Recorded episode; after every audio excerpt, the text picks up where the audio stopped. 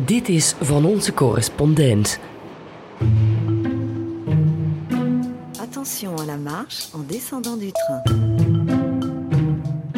Welkom, mijn naam is Stefan de Vries. Ik zit in Parijs en vanuit hier maken we twee keer per maand een wereldreis langs Nederlandse correspondenten in alle uithoeken van de planeet. We praten natuurlijk over de internationale actualiteit, maar vooral ook over het kleine wereldnieuws.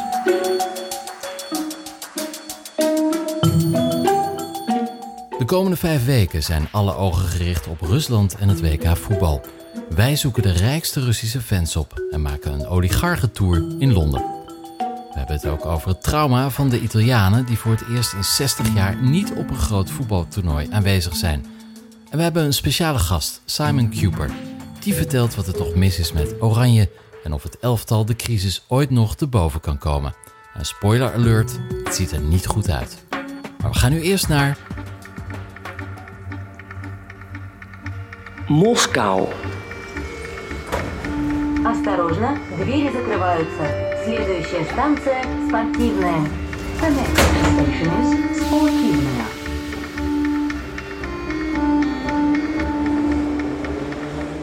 De komende vijf weken is Rusland het gastland van het wereldkampioenschap voetbal. Het land kreeg het WK toegewezen in 2010 en Vladimir Poetin, die toen eerste minister was, reageerde toen zo. From bottom of my heart, thank you. Soccer is popular. It's very popular all over the world, especially in Russia. Ja, dat was in 2010 en de afgelopen acht jaar is de relatie met Rusland er niet makkelijker op geworden. Daar praten we over met niet één, maar met twee correspondenten. Met Jeroen Akkermans, normaal correspondent in Berlijn, maar nu op reportage in Rusland. En Martijn Smiers, en zijn standplaats is Moskou. Ze zitten nu op het Rode Plein. Ik heb ze aan de lijn. Ze zitten op een terras. Eh, Martijn, om met jou te beginnen. Eh, ah, eh, daar horen we al de klokken van het Kremlin, vermoed ik. Martijn, hoe is het daar op het Rode Plein? Is het al feest? Zijn de Russen al verkleed in voetbalshirtjes? Ja, de Russen die dossen zich nog niet heel erg uit. Je ziet hier de laatste dagen wel veel fans van andere landen met allerlei shirts en hoedjes en dergelijke komen. De Russen zelf hebben dat niet zo en dat komt misschien ook wel omdat ze zelf niet heel erg veel van de nationale ploeg verwachten. Nee, is het een slechte ploeg? Ja, een slechte ploeg. Uh, er is een, uh, een, probleem dat de Russische spelers uh, een beetje verwend zijn, worden overbetaald. de Russische clubs hebben een quotum, die moeten dan verplicht een aantal Russen in hun team hebben. En dat maakt de spelers een beetje lui en verwend. En je ziet ook in de selectie van het team voor het WK dat er maar een stuk of drie spelers in het buitenland spelen. Dus ze zijn automatisch gekwalificeerd, dus ze kunnen meedoen. Maar er is bijna geen Rus die er heel veel van verwacht. Maximaal tweede ronde. Ja, eigenlijk heeft Rusland mazzel door dit uh, toernooi te organiseren. Want anders uh, waren ze er waarschijnlijk niet eens bij geweest. Klopt, ze zijn uh, zo'n beetje de laagste gerankte ploeg die meedoet.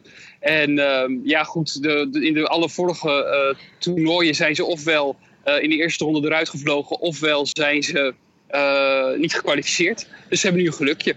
Ja, jij sprak uh, voor deze podcast even met een paar Russen. Uh, laten we daar even naar luisteren. Ik weet zeker dat ons elftal het niet ver zal schoppen. Ik ben een realist. Почему? Ik verwacht niets goeds van dit toernooi. Ze hebben alle andere infrastructuur verwaarloosd. En ze hebben stadions gebouwd waar niemand straks nog iets aan heeft. Ik kom helemaal uit Sakhalin. Dat is een eiland vlakbij Japan op 8,5 uur vliegen van Moskou. Ik heb voor acht wedstrijden kaartjes gekocht. Volgende week komt mijn vrouw ook naar Moskou. En daarom denk ik dat het fantastisch wordt. Well, I think this is the most uh, important event in the world that is very, very uh, good. Some people say that it's a very expensive tournament. Maybe it's too expensive. Do you agree with them? Uh, of course, it's expensive, but I think that uh, Russia can afford it. Ja, Martijn, dus de Russen zijn gemengd. Wel wat enthousiasme, maar ook wel wat kritiek. Wat, wat merk jij daarvan? Het hangt een beetje vanaf waar je het over vraagt. Kijk, over de nationale ploeg is hier bijna niemand enthousiast. Het toernooi, dat vinden ze natuurlijk uh, wel leuk. Rusland is een groot uh, land en daar hoort dan ook een groot toernooi bij. Ja, dan kunnen ze zich ook een keer op een positieve manier laten zien, denken ze. Is het een beetje goed georganiseerd? Heb je de indruk dat de Russen het toernooi onder controle hebben? Tot nu toe uh, zeker wel. Het is ook wel leuk om te zien dat er opeens allerlei Russische vrijwilligers zijn die heel goed Engels spreken, die heel vriendelijk zijn. En vooral dat laatste, dat is echt een verademing, want dat zijn de Russen lang niet altijd in het openbaar. Als je bijvoorbeeld de accreditatie afhaalt, dan heb je daarna, kan je daarna naar een badi voor gratis openbaar vervoer. En daar zitten dan drie van die omaatjes die uh, met, een, met een pen in een boekje jouw naam en het nummer van je kaart bijschrijven en die kijken je dan lief aan. Uh, dat, dat soort dingen, dat is super lief. En um, ja, de, de, de stad is wel, is, is wel versierd. Het is nu wel een beetje anders dan in Sochi. Dat is zeg maar het vorige uh, grote evenement. Toen hadden ze nog echt zoiets van: ja, we gaan uh, de wereld even laten zien hoe leuk en goed Rusland wel niet is. En zelfs de mensen die kritiek hadden op, op Poetin of op, of op Rusland, die waren toen best wel enthousiast. Maar ja, sindsdien is er wel heel veel gebeurd. En nu is het toernooi toch wel, ja, wordt het gehouden in een periode dat er heel veel kritiek is op Rusland. Ja, Jeroen, laten we even naar jou gaan. Jij bent bijna een, uh, eigenlijk een WK-veteraan. Uh, je was er natuurlijk bij in Duitsland, het WK. Ho hoeveelste WK is dit nu van jou, Jeroen? dit is de vierde keer. EK, de eerste keer was EK voetbal in Engeland nog. 96, jawel toen heb ik voor de eerste keer ook kennis gemaakt met uh, de Oranje fan. Maar die zaten toen nog op uh, ja, uh, vereenzaamde campingplaatsen met een krat bier.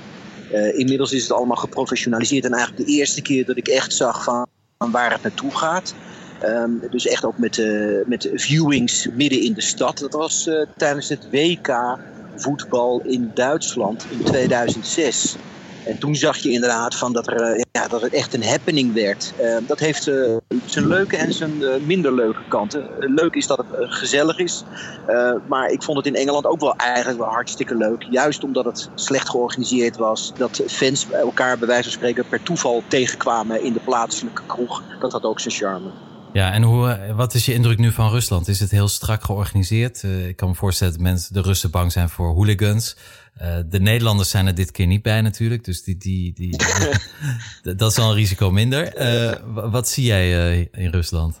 Nou ja, ik, ik denk dat elk organiserend land altijd bang is voor hooligans. en daar is ook enige reden toe. Um, het is af te wachten of dat wel of niet zal gebeuren. Je kunt ervan uitgaan dat alle maatregelen zijn getroffen om het risico zo klein mogelijk te houden. Um, ik vind het tot dusver redelijk goed georganiseerd. Er is van tevoren niet zo heel veel over te zeggen, want je weet nooit welke dynamiek ontstaat op het moment dat uh, daadwerkelijk uh, de fans naar de stadions toestromen.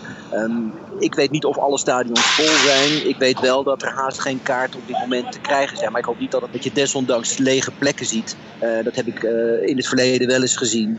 omdat mensen gewoon niet komen opdagen. Het is duidelijk van dat een land als Duitsland in 2006 toch wat populairder was dan het Rusland van nu bij veel mensen.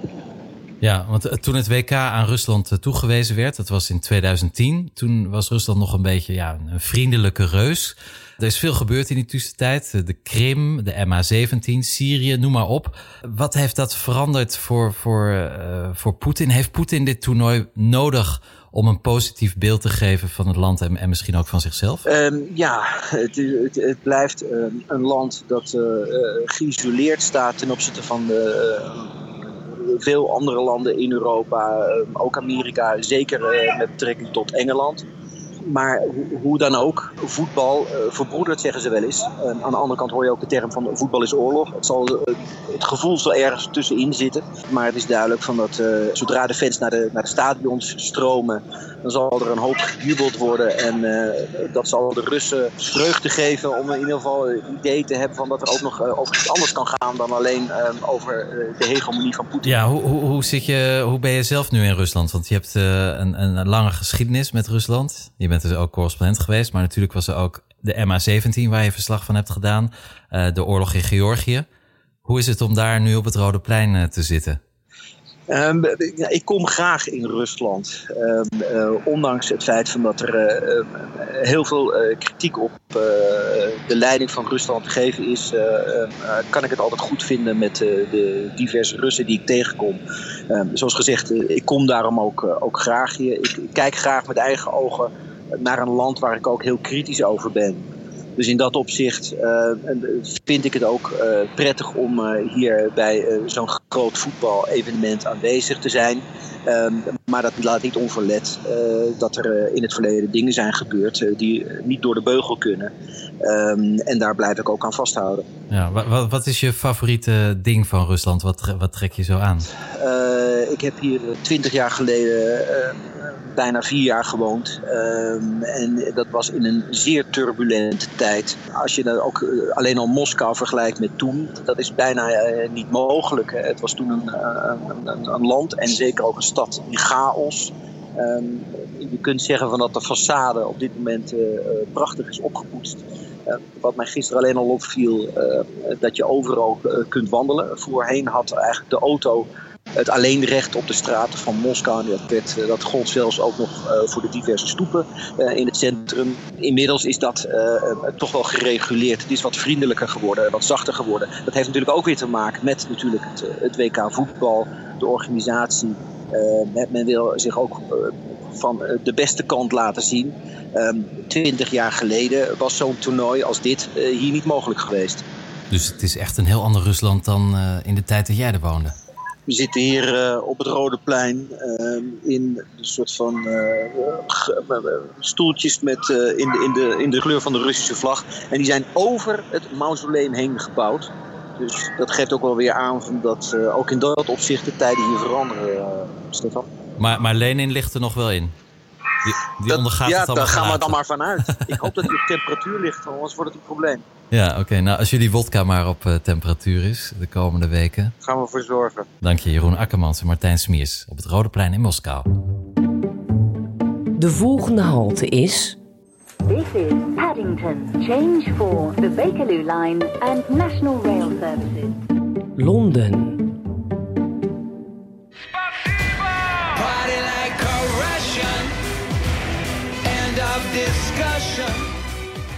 Terwijl ze in Rusland feest vieren tijdens het WK voetbal, zingt Robbie Williams over partyende oligarchen in Londen. Maar klopt het cliché van feestvierende steenrijke Russen wel?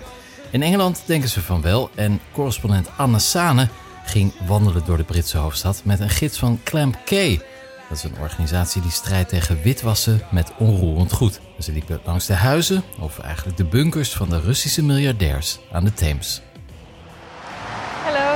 How are you? Hi, good. no problem at all. Ik ontmoet Arthur Duhan, uh, medeoprichter van Clamp K, een organisatie die vecht tegen corruptie in Londen. We're standing outside the home of Dmitry Firtash, who's actually uh, Ukrainian, but he made his money in the gas trade between Russia and Ukraine by buying it very cheaply from Russia at a price arranged by Russian friends in Mr. Putin's circle and all the rest of it, and selling it at a considerable markup to the Ukrainians, keeping some of those profits himself and dispersing them back to Putin and Putin's allies and cronies. Het pand waar we nu voor staan is van uh, Dimitri Firtash, een Oekraïense zakenman die rijk is geworden door zijn banden met Rusland. Hij kocht uh, goedkoop gas op uit Rusland en verkocht het voor veel geld aan Oekraïne. En vervolgens deelde hij de winst weer met Poetin en de zijnen, zegt Arthur. This house is a modern three-story house and it's one of the first of what we call the bunker houses in, in London in that we know it goes down as far as it goes up. It, there's three stories down and the stories below ground contain, as usual, a gym, uh, a swimming pool, and a film cinema. In eerste instantie ziet het uh, pand er niet zo heel luxueus uit van buiten. Ook al heeft het wel een luxe kelder. Uh, het is een modern wit pand met uh, twee gouden olifanten voor de deur. maar het bizarre is, is dat Viertesh ook in het bezit is van de twee panden ernaast. De een is een oud metrostation dat tijdens de Tweede Wereldoorlog werd gebruikt als schuilkelder. En het gebouw ertussenin was oorspronkelijk een nucleaire kelder uit de jaren 60. It's a funny story. It's also a sad and stupid story of authorities not looking very far ahead and just grabbing money uh, uh, that's on the table. If you, if this guy was here, and he's not, because he's in jail in Austria awaiting extradition from uh, to the U.S. Department of Justice, but if he was here, you couldn't get him out with an army. You would need a nuclear weapon if you wanted to get him out. Either that or starve him out over, over a year or something. Een belachelijke situatie, zegt uh, Arthur dus. Uh, dat de Britse autoriteiten twee oude bunkers aan een voormalige vijand verkopen. But then there's a problem as well that this money has negative effects in the countries that it arrives in. So, Londoners, the law abiding, tax paying, voting Londoners, can no, for, no, no longer afford to live in London. They have to pay seven or eight times their salary for a, a, a decent house in London. Ja, het is natuurlijk belachelijk dat doordat er buitenlands geld de Londense huizenmarkt opkomt, dat gewone Londenaren eigenlijk uh, een, een huis niet meer kunnen kopen. Huizen zijn hier onbetaalbaar. And if you'd like now, I'd like to take you from here, just walk up a couple of hundred yards to a place called Ennismore Gardens, where we can see very clearly the negative effects of this kind of money arriving into the United Kingdom. So, here we are in Ennismore Gardens, a prime London residential square, and we're standing in the middle of the road. You know, you can lie down in the middle of this road in the middle of the day and, and nothing will happen to you. We staan hier dus midden in, op de weg, eigenlijk in centraal Londen. En toch kunnen we hier staan zonder dat we overgereden worden. Want het is dus eigenlijk gewoon een spookpleintje geworden. In the last 10 years, the pub is gone, the newsagent is gone, the restaurant is gone, the dry cleaners is gone. All these people have gone. All we can tell you is that these properties are now owned by various offshore entities where the transparency, where the registers are completely non-transparent. Ja, al deze huizen aan dit pleintje die worden dus niet bewoond. Het wordt bijna volledig uh, bezeten door investeerders uit het buitenland die hun geld dus vaak op uh, onbekende wijze verkrijgen. Het is hier ook uh, ja, behoorlijk stil, terwijl we toch in centraal Londen staan. Er zijn bijna geen auto's geparkeerd langs de straat en ja, er is ook niemand te zien. Een hele rare situatie eigenlijk. Just walking up to one of them now, number five Belgrave Square, which is owned by Boris Berezovsky, who is the owner of Rusal, the Russian aluminium giant. We lopen nu op het huis aan van Boris Berezovsky. Op een enorm plein, heel breed. Grote witte huizen, witte pilaren voor de deur. Nummer 5. Daar moet het zijn. Okay, dus Boris Berezovsky die werkt in de Russische aluminium, is daar enorm rijk van geworden. Weet je ongeveer hoeveel die bezit? Hundreds of millions, tens of billions for sure. The house behind me, uh, probably worth 50 million, 75 million, because of course he has used one of these chains of obscure and non-transparent offshore registered companies to hide the actual ultimate beneficial ownership of it. Ja, helemaal 100% zeker weten we niet of Boris Berezovsky dit nog steeds, uh, dat hij nog steeds de eigenaar is. En dat komt omdat hij het waarschijnlijk gekocht heeft via uh, een belastingparadijs. De, geschatte waarde van dit huis is dus uh, ja, 50 tot 60 miljoen euro. Ongelooflijk veel geld is dit. Zijn alle Russen die in Londen wonen nou uh, ja, zo rijk? There are some who are very flamboyantly rich. Um, a few of them have come by their wealth completely legitimately. And the majority are either in Putin's immediate circle or are uh, supporters of, facilitators of, or are feeding off uh, that money. Nou, veel Russen in Londen zijn wel rijk, ja, maar een deel van hen verdient hun geld ook legaal. Een groot deel ook niet. Uh, zij ontduiken belasting, hebben banden met president Poetin en roven op die manier als het ware hun eigen land leeg. Our problem is not the Russian people. Our problem is not the, uh, the Russian state. It is this clique who have hijacked uh, Russia and are using it uh, to enrich themselves. Maar sinds de vergiftiging van een ex-spion op Britse bodem zijn de spanningen tussen het VK en, en Rusland alleen maar toegenomen. Russische diplomaten zijn het land uitgezet.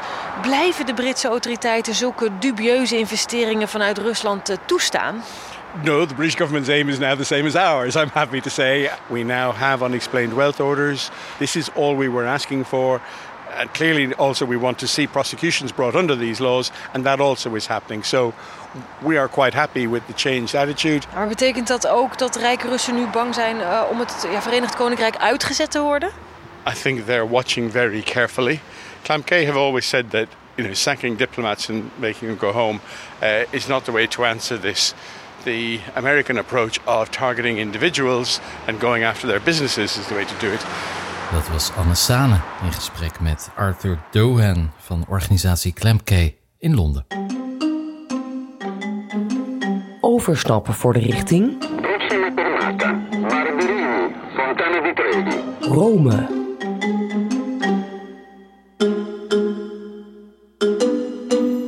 Eveline Redmeijer in Rome. Het wordt een treurige zomer voor de Italianen. Waar, zijn ze? Ja, diep, diep treurig. Het is voor het eerst in 60 jaar ontbreken ze bij, uh, bij dit WK. Dus eigenlijk de klap, dat zeg ik ook tegen iedereen, de, klap komt nog. Als je op een gegeven moment het WK echt begint. En dat je beseft, oh, we hebben dit keer geen leuke avond op het plein. Of ze spanning, of we gaan winnen of verliezen. Dus ja, er zijn nog maar heel weinig Italianen uh, in leven die het bewust hebben meegemaakt. Een WK zonder Italiaans elftal. Dus journalisten hier zeiden tegen me over: het is nog een open wond. Maar ik denk eigenlijk nog dat de Italianen de wond nog niet eens uh, gevoeld hebben voordat het zover is. Ja, je was vorige week bij de oefenwedstrijd van de twee grootste losers, Nederland-Italië. Uh, hoe was de sfeer daar? Uh, was, moest er veel Prozac aan te pas komen? Ja, de, de sfeer was onder de oranje supporters, het legioen wat dan meereist. En nou ja, iedere keer als ik ook maar een beetje probeerde op te brengen van... Goh, hebben de Nederlanders ook niet een beetje aan zichzelf te danken? Is er niet gewoon heel slecht gespeeld? Nee, absoluut niet. En meedoen is belangrijker dan winnen en, dat soort verhalen. En daar keken toch wel Italianen met grote ogen naar toen ik vertelde... nee, die komen gewoon voor de oefenwedstrijd. Het is ook echt anders hè, hoe het hier een WK en EK wordt beleefd. Italianen komen pas van de... Nou ja, voor de wedstrijd gaan ze de straat op als ze een beetje in de kwartfinale, halve finale terechtkomen. Van de poolwedstrijden weet het gros van de Italianen niet eens wanneer die zijn. Laat staan dat ze hun uh, straten uh, met vlaggetjes volhangen. Nu reageerde de keeper Gianluigi Buffon op de volgende manier toen Italië werd uitgeschakeld. Laten we even naar hem luisteren. Dispiace che l'ultima partita diciamo ufficiale sia coincisa con eh, una non qualificazione mondiale. Ja, het spijt hem en hij nam meteen ook, uh, hij ging ook meteen met pensioen. Is, is dit, dit de manier waarop Italianen verdriet verwerken? Want ik, ik heb altijd het idee dat ze heel. Door met pensioen te gaan. ja, nou ja, ik heb het idee dat ze altijd heel uh, gepassioneerd zijn en dramatisch. Maar dit is toch eigenlijk een hele sobere uh, treurnis. Nou, een sobere treur. Hij, hij stond hard te huilen. Hè? Nee, soberheid kun je hem niet uh, verwijten, geloof ik. Nee, ja, het, het, was ook nog eens een mooi verhaal wat hij, uh, wat hij hield op dat moment. Hij bood zijn verontschuldigingen aan uh, tegenover de Italiaanse kinderen die droomden van, van dit WK. Dat waren emotionele momenten. En zij, hij nam ook helemaal de schuld op zich. En dat de Italiaanse voetballers het aan zichzelf te danken hadden. Ze zijn uitgeschakeld die avond tegen Zweden. Um, maar ja, net als het Nederlands voetbal eh, wordt het nationale Italiaanse voetbal wordt wel echt op een dieptepunt uh, wordt dat gezet. En ja, the only way is up. Zo kijken analisten ernaar. En, dat er toch wel sprake is van, van een technische crisis uh, die zijn weergaan niet kent. Maar hier dat de Italianen uh, er niet bij zijn op het WK, dat is toch wel iets wat hiervoor on, onmogelijk werd geacht. En volgens mij tot de laatste minuut dat ze tegen Zweden speelden, heb ik zelf ook nog gedacht van, nou ja, maar nu gaat die goal wel komen. Of dan in de verlenging. Maar hij kwam niet. En uh, ja, Italië er gewoon uit. Ook tegen Zweden. Hè. Ook Nederland is door Zweden uiteindelijk uh, pootje gelicht dat ze niet bij het WK uh, eh, zullen zijn. Ja, die vervelende Zweden ook altijd. geen Italië dus, althans niet op het WK voetbal. Je hebt wel genoeg ander spektakel deze zomer. ik zou bijna een potje paniekvoetbal willen noemen. wat een chaos bij jou zeg de Italiaanse politiek. Nou, dat lijkt me een goede beschrijving. In ieder geval zijn het, het vormen van een regering, eh, werd er sommigen al, uh, werd al van gezegd dat het spannender was dan een, dan een WK. Dus dat Italië uh, eigenlijk zijn WK al heeft gehad. Uh, ja, roerige tijden hier. Het, was natuurlijk een volledig versplinterde, versplinterende uitkomst van de verkiezingen in maart. En de twee populistische partijen, de Lega, de antimigratiepartij Lega van Matteo Salvini is nu samen aan het regeren met de Vijf Sterrenbeweging. En dat is toch wel ja, een very odd couple, kunnen we wel zeggen. Uh, ze hebben gemeen dat ze dik hebben gewonnen bij de, bij de verkiezingen. Populistisch zijn en erg nou ja, Europa-kritisch uh, op zijn minst. En anti-Europa uh, is af en toe, lijkt het er meer op. Maar ja, dat gaat nu vorm krijgen. En we gaan dus nu voor het eerst zien wat al die beloftes, uh, wat, daarvan, wat daarvan gaat uitkomen. Ja, en we zitten nu midden in uh, de migratieproblematiek. Uh, Matteo Salvini, dat is toch een beetje ja, de Italiaanse Geert Wilders. Die dagen gedraagt hij zich meer als premier. En zien we toch wel dat hij op dit moment de belangrijkste man is van de Italiaanse regering. Ja, een eerste concreet voorbeeld van dat nieuwe beleid hebben we natuurlijk deze week gezien met het schip de Aquarius, vol met vluchtelingen. Dat kwam Italië niet binnen. Emmanuel Macron sprak er schande van. Uh, maar wat, wat vinden de Italianen zelf daar eigenlijk van? Nou, ik denk toch wel iets uh, genuanceerder. In deel vind ik het zeker een schande, omdat inderdaad er honderden migranten, waaronder vrouwen, zwangere vrouwen en kleine kinderen uh, hebben rondgedobberd terwijl de, uh, de middelen opgingen. Uh, maar ik denk toch ook dat de meeste Italianen wel vinden dat Europa te weinig doet. En dat Italië, wat betreft de bootvluchtelingen die uit Libië en Tunesië komen, daar eigenlijk alleen voor staat.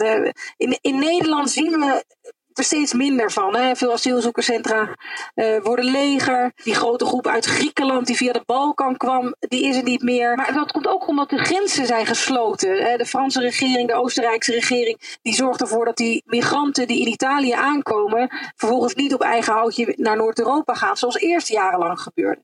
Dus kijk, deze regering wil gewoon niet dat er nog veel meer bij komen. En uh, ook al hebben deze hulporganisaties het over afzetten van migranten die in nood zijn om op adem te komen. Hè? Uh, vervolgens blijven die vaak in Italië. Uh, of omdat ze hier asiel aanvragen, omdat dat nou eenmaal volgens de uh, regels moet. Hè, waar je de EU binnenkomt, daar moet je de asielprocedure in. Of omdat het gewoon simpelweg ehm, ze worden tegengehouden aan de noordelijke grenzen.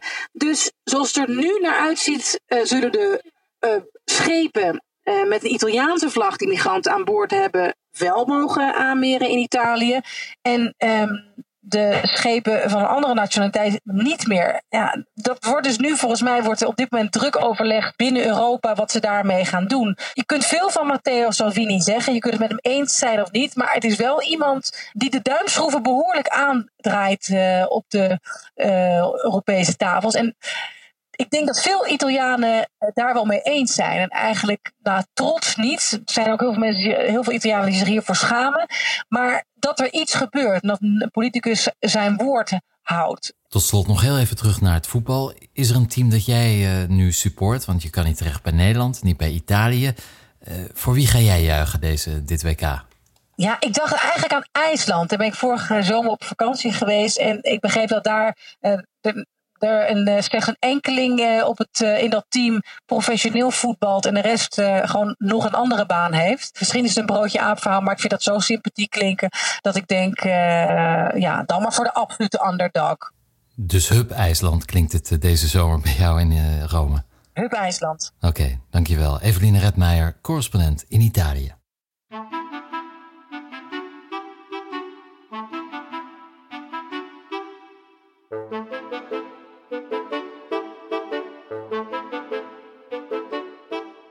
In Van Onze Correspondent praten we ook iedere aflevering met een buitenlandse correspondent over Nederland of over een Nederlands onderwerp. En deze keer zit bij mij aan tafel Simon Cooper. Hij is columnist voor de Financial Times. Hij werd geboren in Oeganda, groeide op in Oegstgeest, studeerde in Harvard en Cambridge en woonde daarna in Berlijn en Johannesburg. En nu woont hij alweer 15 jaar in Parijs.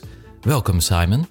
Ja, je bent eigenlijk de meest buitenlandse van de Nederlandse journalisten, of misschien wel de meest Nederlandse van de buitenlandse journalisten. Een echte cosmopoliet. Uh, waar hoor je eigenlijk thuis, Simon? Ja, ik hoor nergens echt thuis, maar overal wel een beetje. Dus ook in Nederland. In Nederland voel ik me erg op mijn plek. Je bent niet alleen een, een, een uh, bekende internationale journalist, maar vooral ook een enorme voetbalfan en een voetbalschrijver. Je schreef heel veel boeken over voetbal, onder andere Dure Spitsen uh, Scoren Niet waarin je een wetenschappelijke kijk of economische kijk geeft op voetbal. De mannen van de bal, uh, Voetbal Against the Enemy en een boek over Ajax en de Nederlanders en de oorlog. Uh, veel boeken over voetbal. Dit is, dit is een goede zomer voor je, maar wel met een, met een beetje een rauw randje. Want, want je favoriete team is er niet bij. Waar is Oranje? Ja, ik heb het in 2002 ook meegemaakt in Japan. Dat je denkt van waarom houden ze een WK? Het heeft toch allemaal geen zin meer. Ja, waar is Oranje? Ik, uh, trek me de bek niet open. Dus ik vind het het meest intelligente voetballand van de periode zeg maar 1970-2010 is uh, heeft zijn intelligentie verloren. En dat was het enige Nederlandse voordeel, dat je slimmer was dan de rest. Kijk, zodra Duitsland even slim is als Nederland, heb je geen enkele kans meer. Dat is nu, nu het geval. Maar als je zelfs van IJsland en Turkije en zo verliest, dat is, dat is een drama. In 2010 stond Nederland nog in de finale van het WK. Wat is er daarna gebeurd? Nou ja, je ziet dat ze al jaren op Arjen Robben hebben geteerd. Dus tot en met 2008, zeg maar, speelt Nederland het hele herkenbare voetbal nog steeds uit de jaren 70. Van uh, wij hebben balbezit, wij zijn dominant, we hebben twee vleugelspitsen. Uh, het is het voetbal dat Cruijff en Michel zeg maar, hebben bedacht. Eind jaren 60 in Amsterdam. En op een gegeven moment zie je, het werkt niet meer. Het is te traag. Uh, defensies zijn wel slimmer geworden. Nederland uh, brengt weinig dribbelaars voor. Dat zit, zit, niet in de Nederlandse voetbaltraditie. Uh, dus dat eindeloos rondspelen, dat levert niet zoveel meer op. Nou ja, wat gingen ze dan vanaf 2007, 2008 doen is... oké, we gaan inzakken, we gaan counteren. Wel heel slim, maar andere stijl. En we hebben Arjen Robben. En dat is de snelste man op twee benen. Dus als je achterover zit en Robben begint bij de middenlijn dan valt daar wat te halen. Nou ja, dat werkte dus een tijd lang uh, erg goed. Je haalde zelfs een WK-finale mee. Je, kon, je, had er bijna een WK mee gewonnen. En je ziet ook dat, je, dat het uh, in 2010 met uh, vrij matige spelers gebeurde. Je had uh, Matthijssen en Heitinga als centraal duo. Je had Van der Wiel en Van Bronckhorst als de rest van de verdediging. Dus als je met dat soort spelers bijna wereldkampioen wordt... dan zie je, ons systeem is koning. Ja. We hebben gewoon een systeem bedacht waarin zelfs deze spelers top kunnen functioneren. Uh, ze speelt tegen Brazilië, hebben ze van Brazilië gewonnen met, met André Ooyer achterin. En Ooyer wordt niet helemaal weggevaagd door uh, spelers als uh, Kaka en Robinho. Dus Nederland had het zo slim voor elkaar. Kijk, wat Cruijff bedacht en wat Nederlanders begrepen is... voetbal is een dans in de ruimte. Je creëert ruimte als je de bal hebt... en je verkleint ruimte als je de bal niet hebt. En niemand kon dat beter dan Nederland. Dus voetbal gaat niet over passie of over dribbelen, wat de Britten en de Brazilianen dachten. Voetbal gaat over geometrie. En het begint met de baas.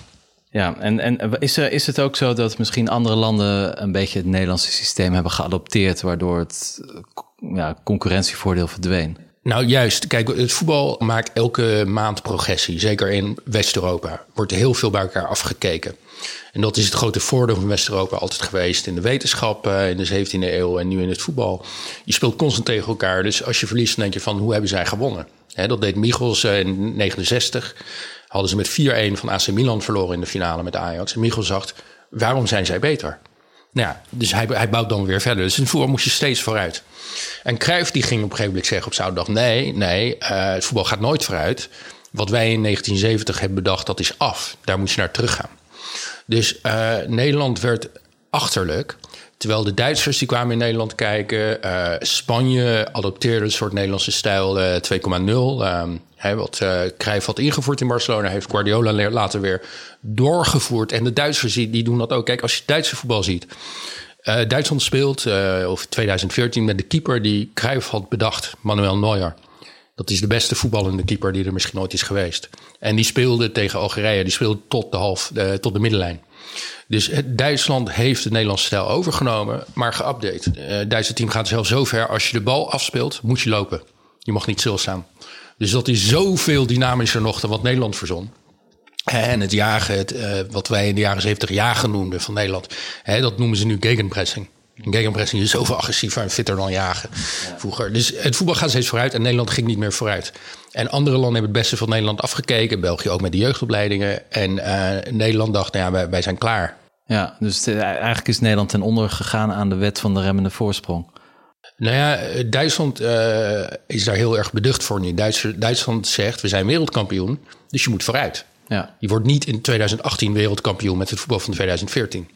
Dus die Duitsers die proberen elke dag het voetbal nieuw weer uit te vinden. Ja. En in Nederland uh, gebeurde dat niet meer. Wat je ook krijgt, is Cruijff die zei... Nou ja, alleen mensen die zelf hebben gevoetbald... en het liefst met mij, die, die weten iets van voetbal... die mogen trainer worden. Ja. Dus, en eigenlijk alleen Nederlanders. Dus het werd, werd een soort oude jongens krentenbrood uh, gedoe. Zowel ja. bij Ajax, wat de meest belangrijke Nederlandse club is... of je nou fan bent of niet... en het Nederlands elftal. Dus um, er kwamen alleen mensen aan de bak die uit dat groepje waren van uh, mensen die uh, elkaar al sinds de jaren zeventig als tieners kenden. En ja, dus er komt geen nieuw bloed, geen nieuwe gedachten uh, bij. Ik was bezig met een poging om Jorge Sampaoli um, te helpen bondscoach te worden vorig jaar. Ik weet, ik ben maar journalist, maar Sampaoli die gaf aan... Ik wil heel graag bondscoach van Oranje worden. Nou, is een hele vooruitstrevende coach. Heeft, met Chili is hij Copa America gewonnen, Sevilla en zo. En uh, bij de KNVB was het Louis van Gaal, die ging daarover. Nou, die, die wilde niet luisteren, die vond dat niet interessant. Die, die betwijfelde ook of Sampaoli geïnteresseerd was. wat, wat niet klopte. En toen hebben ze dus ja, een serie Nederlandse vrienden aangesteld. Blind, Hiddink en nu, um, nu Koeman. Dus um, ja, er is een soort weerstand tegen mensen van buiten. Omdat, ja, we kennen elkaar toch allemaal zo goed. Kijk, Nederlandse voetbal is een heel klein wereldje. Uh, als jij de top haalt, uh, als je het Nederlands elftal speelt, als je bij Ajax speelt, dan ken je al snel iedereen. En iedereen blijft hangen. Dus je kende die mensen toen je 18 was. En je kent ze nog steeds als je 50 bent. Ja. Dus natuurlijk krijg je van elkaar baantjes. Ja. Dus als ik goed begrijp, San Pauli had bondscoach kunnen worden van Nederland. Als de KVB en Louis van Gaal hadden meegewerkt. Zou Oranje dan gekwalificeerd zijn voor het WK? Nee, ik vind, uh, kijk, de bondscoach op zich vind ik geen hele belangrijke rol. Het begint al op je zesde als je leert voetballen. En uh, wij leerden toen wij klein waren gingen voetballen in de jaren 70, leerden wij het beste voetbal ter wereld. Ik zie dat nu bij mijn zoontjes in Parijs. Die leren hier, hier nu het beste voetbal ter wereld. Parijs is de talentenzone van, uh, van de wereld. Als je een Parijs elftal opstelt, die winnen van heel Noord-Amerika, van heel Azië, van heel Afrika. Uh, gewoon spelers die in Parijs zijn opgegroeid. Nou, dat had Nederland vroeger. Dus daar begint het mee. De bondscoach kan daar niet heel veel aan veranderen. Maar uh, kijk, als je in de periode Danny Blind zag van, uh, nou ja, in de jaren negentig zijn we ook met rondspelen en uh, Ajax-tieners top geworden. Dus nu moet dat ook kunnen. Dat, dat is gewoon een ontkenning van de ontwikkeling van het voetbal en het feit dat Ajax niet meer voorstelt. Dus als je Ajax-tieners nu opstelt tegen buitenlandse nationale ploegen, dan worden ze opgevreten. Dus um, zo'n fout zou een buitenlander niet begaan. Maar kijk, het Nederlandse voetbal is, is compleet verrold. Uh, van boven tot beneden. Dus ik zeg niet dat de bondscoach dat nu, nu meteen verandert. Ja. Wat zou Nederland wel moeten doen om er in uh, 2022 in Qatar wel bij te zijn? En ook nog eens uh, goed te kunnen spelen. kwartfinale plaats of zo. Nou ja, kijk, je gaat niet een hele nieuwe generatie internationals ontwikkelen tussen nu en 2022. Dus je moet werken met de spelers die je hebt en die zijn niet top. Dus je moet ze in tegenstelling tot het Cruijff altijd riep, moet je zorgen dat ze topfit zijn dat zoveel mogelijk van hen uh, bij buitenlandse grote clubs spelen. Dus je moet uh, ook de stap van die spelers begeleiden. Dat ze niet meteen naar een club gaan zoals uh, Justin Kluivert nu, die ze niet aan kunnen. En je moet ook realistisch zijn van... kijk, jij en ik waren bij Frankrijk-Nederland in augustus. Ja, dramatisch. 4-0 drama. Al na 10 minuten hield het op en gewoon zijn we met onze telefoons gaan spelen. dus... Um, wat je toen zag is Nederland denkt, nou ja, wij gaan domineren. Wij gaan met drie man op het middenveld, waaronder Wesley Sneijder, die niet meer kan lopen. Gaan wij uh, Frankrijk domineren hier in Parijs. Nou, dat was zo onrealistisch. Je moet zeggen, die Fransen zijn veel beter dan wij. Dus uh, wij gaan het achterin dicht timmeren en dan hopen op een uitbraak. En um, we gaan niet uh, breed spelen achterin, want uh, dan lachen die Fransen. We, we gaan veel directer, ook, uh, ook wat houthakkeriger voetballen. Want dat is het enige realistische dat je in Stade de France kan doen. Nou ja, dus je moet af van het idee van wij zijn Nederland, wij zijn dominant. Je moet denken, wij zijn een middelmatige Europese ploeg. Dus we moeten topfit worden. Het moet achterin dicht zijn. En we moeten ons aanpassen aan de tegenstander. en dan moet je, kijk, je wordt nooit meer zo goed als Duitsland. Maar je moet je wel in een groep met teams als IJsland en Hongarije en zo kwalificeren. Dat, dat, gaat, dat moet lukken. Als dat niet lukt, is het een schande. De plek van Oranje in Nederland bij de Nederlandse bevolking is, is heel speciaal. Ik bedoel, we wonen allebei in Parijs. Maar als hier een WK is en Frankrijk, zelfs als Frankrijk in de finale staat. Nou ja, je merkt er eigenlijk niks van op straat. Maar in Nederland, zelfs als Nederland de voorronde speelt, of, uh, dan zijn heel veel straten zijn oranje. Het is uitgestorven op straat. Er kijken soms wel 10 miljoen mensen naar een wedstrijd. Uh, hoe, hoe, verklaar je de plek van Oranje en van het voetbal in de, in de Nederlandse samenleving? Want dat is toch wel heel. Ja, het is heel extreem. Um, ik heb een keer cijfers gedaan. Uh, Nederland-Uruguay 2010 werd door 70% van Nederlanders op tv gekeken. En dat is ongeveer een wereldrecord. Uh, qua uh, proportie van je bevolking. Dus nergens is het zo stil op straat uh, ter wereld als het landenteam speelt als in Nederland. Maar kijk, het Nederlands elftal droeg uit uh, het mooiste wat we van onszelf vonden. We waren sprankelend, we waren origineel, we waren creatief en multicultureel. Dat, dat zat er ook vrij vroeg in, vanaf de jaren tachtig. Dus wij, Nederland-Duitsland, dat was het mooie multiculturele Nederland tegen het lelijke, uh, blanke, defensieve Duitsland. Dat, was, dat waren de verhoudingen van toen. Ja. Nou ja, en uh, kijk, zodra je niet meer goed bent, zodra Oranje een lachertje is, en zodra in de woorden van Ronald de Boer, dat, je, spelers zich eigenlijk schamen om voor Oranje te spelen, dan um, zeg je niet van het, het, nationale team, dat zijn wij. Nederland is in alle opzichten een erg succesvol land, behalve in het voetbal.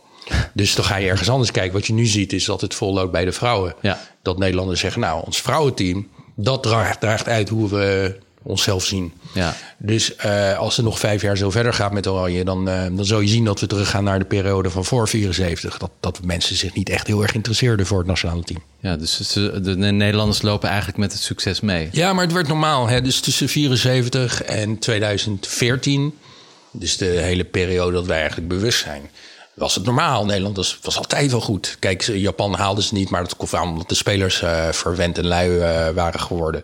Niet, niet omdat het, het, voetbal niet functioneerde. Dus wij, het was een soort natuurwet. Nederland is goed. En ik, ik, ik, ik zag toen al van, het is niet normaal dat een land met 17 miljoen mensen altijd in de halve finales, meestal in de halve finale staat van een WK.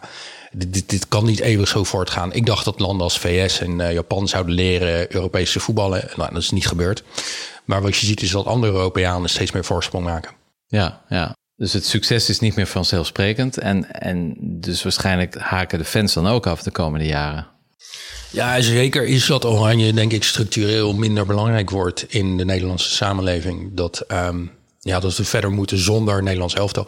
Kijk, ik denk dat we nu op een dieptepunt zitten. Ik denk dat we de komende toernooien wel gaan halen. Maar het is heel moeilijk om bij de beste vier ter wereld te zitten. Want iedereen is elke dag bezig aan het schaven om vooruit te komen, behalve wij. Dus um, ook als Nederland het weer op de benen krijgt, ik denk dat die periode voorbij is. Ik denk dat dit zeg maar onze gouden decennia waren, 74, 2014. Het is opgehouden. Je ziet het met Hongarije, die zijn al 50 jaar bezig weer terug te komen. Het lukt nog steeds niet. Kan de Nederlander dan misschien terecht bij de, bij de buren, bij de Belgen? Gaan de Rode Duivels wat uh, klaarmaken dit jaar, denk jij? Um, ja, ik weet nog dat ik als kind in de jaren tachtig... dat we allemaal fans waren van België toen Nederland uh, toernooien niet haalde. Ja, het, is een van de meest talentvolle ploegen. Kijk, WK is een beetje een loterij. WK is bal op de paal, bal op de lat, uh, scheidsrechter keurt hem af... en dan ben, lig je eruit uh, en anders word je wereldkampioen. Dus ik heb vorige keer voorspeld dat Brazilië wereldkampioen gaat worden... dus ik ga ditmaal geen voorspellingen doen. je gaat wel de hele maand ben je in Rusland. Ehm, je gaat heel veel wedstrijden zien... Wat ga, je daar, wat, wat ga je nog meer doen behalve in het stadion zitten de komende maand? Nou de leukste momenten van WK zijn buiten het stadion. Dus ik hoop hele interessante mensen te ontmoeten. Ik heb een aantal contacten in Moskou, ook uh, bijvoorbeeld bij historici. Ik wil. Um, ik ben een aantal keer in Moskou geweest. Ik, uh, het fascineert me. Ik, ik wil dus het leven daarin. Ik wil ook in steden waar ik nooit van mijn leven weer terug zal komen, als Volgograd, het voormalige Stalingrad of Kaliningrad, wil ik rondlopen en een gevoel krijgen van het dagelijkse leven. Dat is natuurlijk heel moeilijk in zo'n korte periode. Um, het monument, uh, oorlogsmonument in uh, Volgograd zien. Uh, dat soort dingen, dat, dat fascineert me. Ik ben bang om als spion te worden gearresteerd. Zodra je buiten het voetbal begeeft als Britse journalist. Uh, nu Rusland en, Groot-Brittannië met elkaar overhoop liggen. Maar uh, dat is dus mijn uh, ambitie voor het WK. Ik moet zeggen, het voetbal in de stadions boeit me toch minder. Ik had een interview met Roberto Martinez, dat is de bondscoach van België. En die zei ook, clubvoetbal, het beste clubvoetbal is altijd beter dan WK's. spelers zijn meer op elkaar ingespeeld. Je hebt meer kwaliteit per vierkante meter. Dus Manchester City is altijd beter dan zeg maar Spanje. Ja, ja. Je, zegt je bent bang om uh, misschien als spion te worden gezien, maar dan kunnen we weer een bruggetje maken. Je hebt een boek geschreven over een spion, uh, een Russische spion, maar die eigenlijk Nederlands is. Ja, dat is. Um, nou, het boek komt uit als hij overlijdt. Het is een um, Rotterdammer, George Behar heet hij. Uh, nam de naam George Blake aan, half Nederlands, half Brits. Nederlands verzet, ging toen in de oorlog, werd hij Britse spion. En in 1950 bekeerde hij zich tot het communisme en ging over naar de KGB. Zonder dat tegen de Britten te zeggen natuurlijk. Dus hij was een dubbelspion, werkte voor de KGB, terwijl hij zogenaamd Britse spion was. Nou, de Britten die krijgen dat door, gooien hem in 61 in de bak. Zit vijf jaar in Londen in de gevangenis. Ontvlucht dan, spectaculaire on, uh, ontvluchting. Uh, Hitchcock wilde daar zijn laatste film over maken. Hitchcock heeft er tien jaar mee rondgelopen, maar overleed voordat de film af was. En uh, bleek, uh, ja, die, die, die verdween dus naar, naar Moskou. En daar heb ik hem in 2012 geïnterviewd. Ik liep daar weg uh, uit zijn Dutch en ik dacht, dit is het meest interessante interview wat ik ooit heb gehad. Was dat in het Nederlands? Ja, in het Nederlands. Nou, ik zei tegen hem van, spreek natuurlijk ook perfect Engels. Ik zei, welke taal gaan we spreken? Ja. En hij zei, nou, als je het niet erg zou vinden... ik krijg zo zelden de gelegenheid hier in Moskou. En sprak een beetje oude, bekakte Rotterdams Nederlands. Um, vooroorlogs vooroorlogs Rotterdamse kok, zou ik zeggen. En uh, nou, toen hebben we drie uur Nederlands zitten babbelen. Dat was erg aangenaam. En uh, we konden het ook erg goed met elkaar vinden. Want natuurlijk ook heel veel gemeen. Behalve dat ik geen spion ben. En uh, nou, ik dacht, wat een lieve oude man. Maar ja, toen, toen dacht ik me later ook... Ja, hij heeft 40 Britse spionnen de dood ingejaagd. Verraden aan de Russen, mensen die, het nooit, die toen zijn verdwenen. Dus ja, uh, is geen heel mooi balans. Maar wel een fascinerende man. Ja, dus jouw boek komt uit in september. De Vrolijke Verrader heet het in het Nederlands. Nou, mijn boek komt uit uh, als, als, als Bleek overlijdt. Dus dat kan ja. ook over vijf of tien jaar worden. Hij is, uh, is in 95. En in de tussentijd in de Financial Times tijdens het WK... iedere dag een column van jou? ja, dat is de bedoeling. ongeveer elke dag. Ja. En hier en daar ook wel bijvoorbeeld voor het... ik hoop voor het Financieel Dagblad... dat is in mijn Nederlandse krant... ook af en toe iets te schrijven.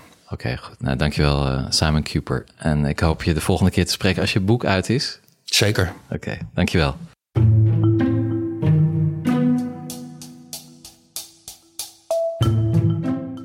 Deze aflevering is bijna voorbij, maar voordat we gaan kijken we nog even naar een opmerkelijke hit ergens in de wereld.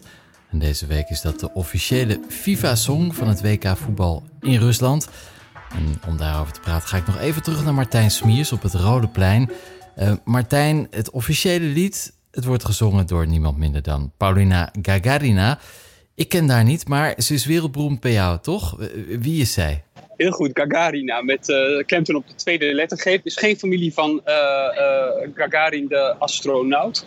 Maar um, zo'n bekende zangeres hier. Je kunt haar misschien kennen van het Eurovisie Songfestival. Daar heeft ze in 2015 de tweede plaats gehaald. In Rusland is ze ook bekend uh, bijvoorbeeld van uh, roddelbladen waarin staat dat ze vroeger twee keer zo zwaar was. Flink afgevallen. En um, ja, begin dit jaar was ze ook een van de zangers of zangeressen in het Poetin-lied. In aanloop naar de verkiezingen. Er was een hit gemaakt en daar zong zij in mee. Oké, dus het is een, een, een, een vriendin van Poetin. Of in ieder geval een Poetin-fan. Zeker, anders zing je niet in zo'n zo'n liedje mee. En uh, je weet natuurlijk nooit uh, wat, wat haar afwegingen precies zijn. Maar ja, goed, uh, ze doet het maar wel weer. Oké, okay, dankjewel Martijn Smiers in Moskou. En dit is dus Polina Gagarina.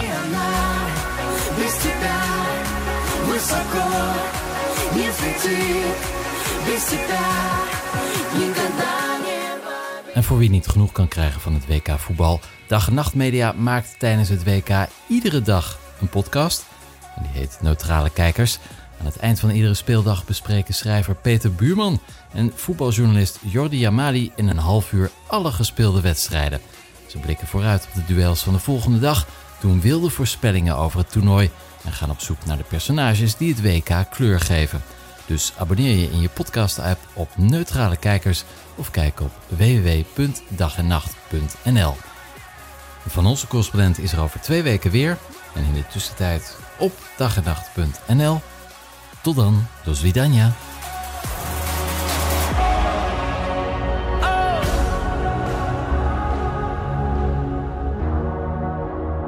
Dit is van onze correspondent.